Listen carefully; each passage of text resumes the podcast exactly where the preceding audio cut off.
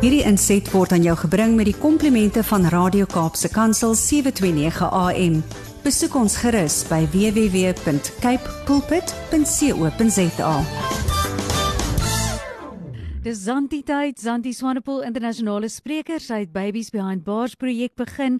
Sy's motiveerder, voormalige mevrou Verenigde Nasies internasionaal en mevrou Suid-Afrika en sy's ook besig met 'n baie spesiale stapprojek wat eintlik nie net is om saam te stap nie, maar dis eintlik ook om jou geloof in die proses weer net oor te gee aan God, um, saam met hom te stap, as ek dit so letterlik kan stel.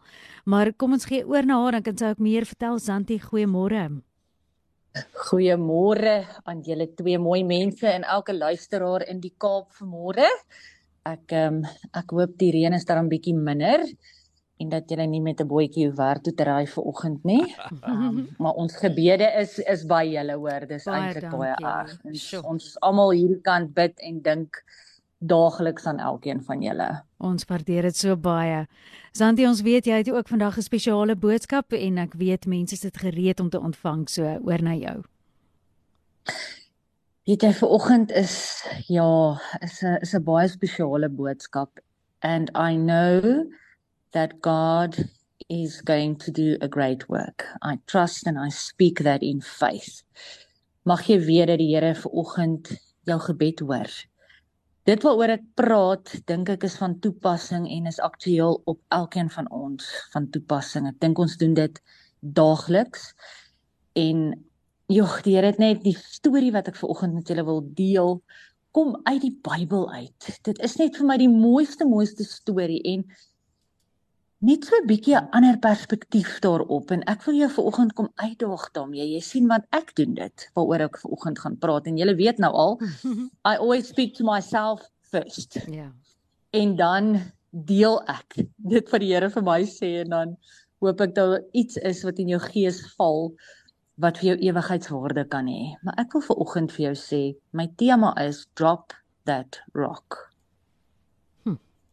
En ek wil vir jou vat na Johannes 8 en ek wil vir jou lees uit uit van vers 2 af en dis my so 'n dis dis die mooiste storie in die angle wat ek hom ver oggend vir jou gaan vertel in en hoe die Here net met ons 'n ander perspektief kom bring hieroor. But at dawn he appeared again in the temple courts where all the people gathered around him and he sat down to teach them. Julle hoe awesome moet dit wees om by Jesus se voete te kon sit, deel van honderde ander mense wat honger is om sy woord te hoor. Mm. But the teachers of the law and the Pharisees brought in a woman caught in adultery. Ag, moes dit vir die vrou wees. They made her stand before the group and said to Jesus, "Teacher, this is a woman that was caught in the act of adultery. In the law of Moses commanded us to stone such a woman. Now what do you say?" They were using this question as a trap in order to have a basis for accusing him. So hulle het haar gebruik met 'n hidden agenda. But Jesus went down on his knees. It says he bent down and he started to write on the ground with his finger. When they kept on questioning him, he straightened up and said to them, If any one of you is without sin, let him be the first to throw a stone at her.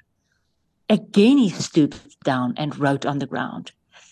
At this, those who heard began to go away one at a time, the older ones first, until only Jesus was left, with the women still there.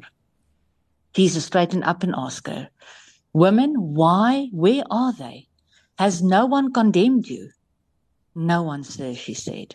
Neither then do I condemn you.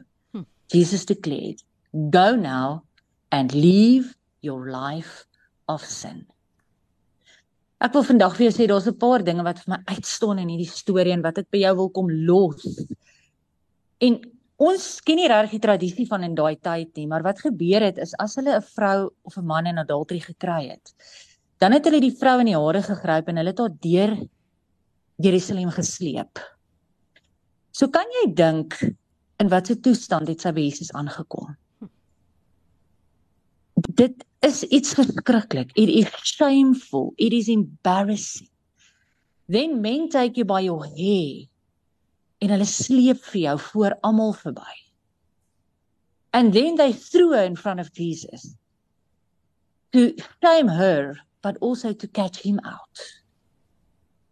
Maar wat vir my so tragies oor hierdie verhaal is, ek weet nie of jy al in die, in 'n posisie was waar maak nie saak wat jou antwoord is nie, jy's verkeerd. If people got their knife in for you, it doesn't matter what you answer, you will be wrong. Ja. Yeah. Nou dis hoe hierdie mense oor Jesus gevoel het.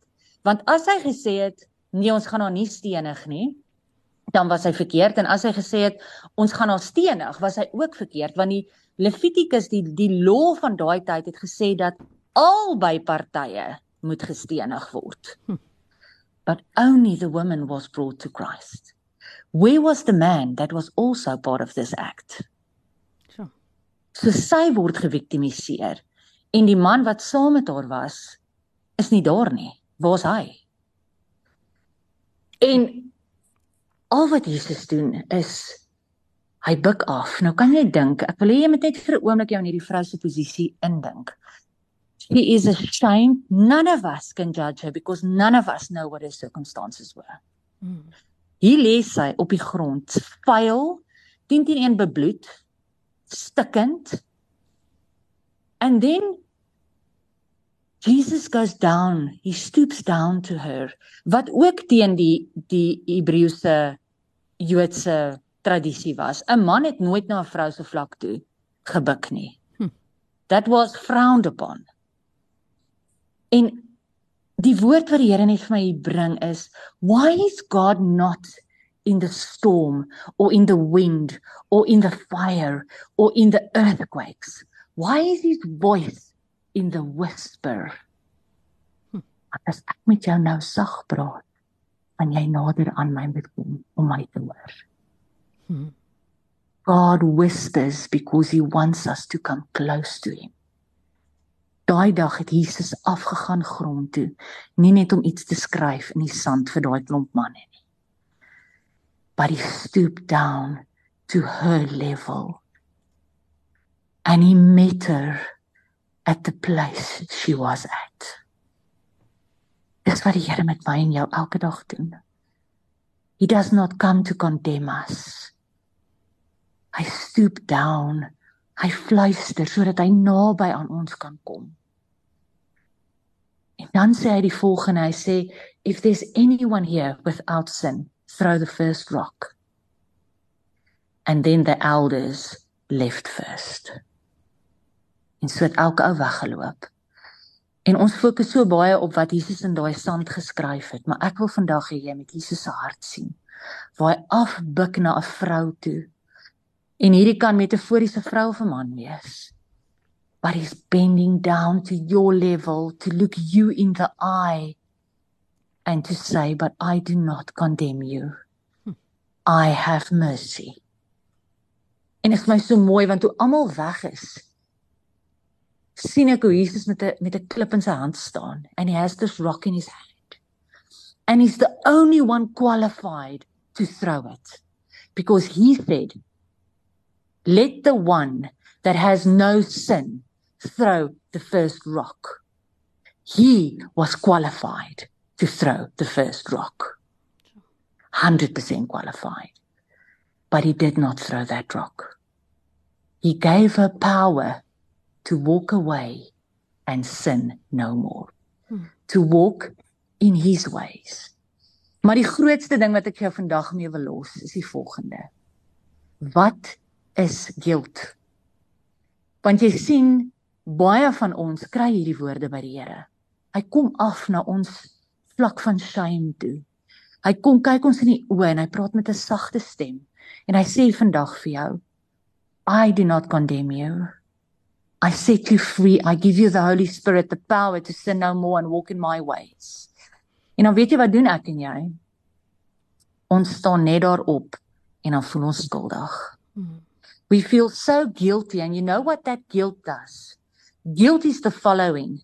It is picking up the stone that Jesus, the only one qualified, the only one having the right to throw you with it, but did not you pick up that stone and you throw yourself with it.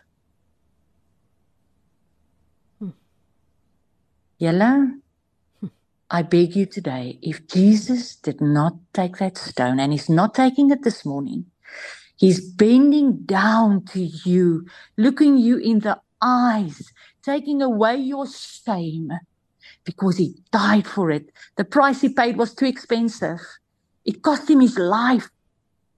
I beg you today, drop your stone. Hmm. You have all the power in you with the Holy Spirit to walk in his ways. But don't live in guilt.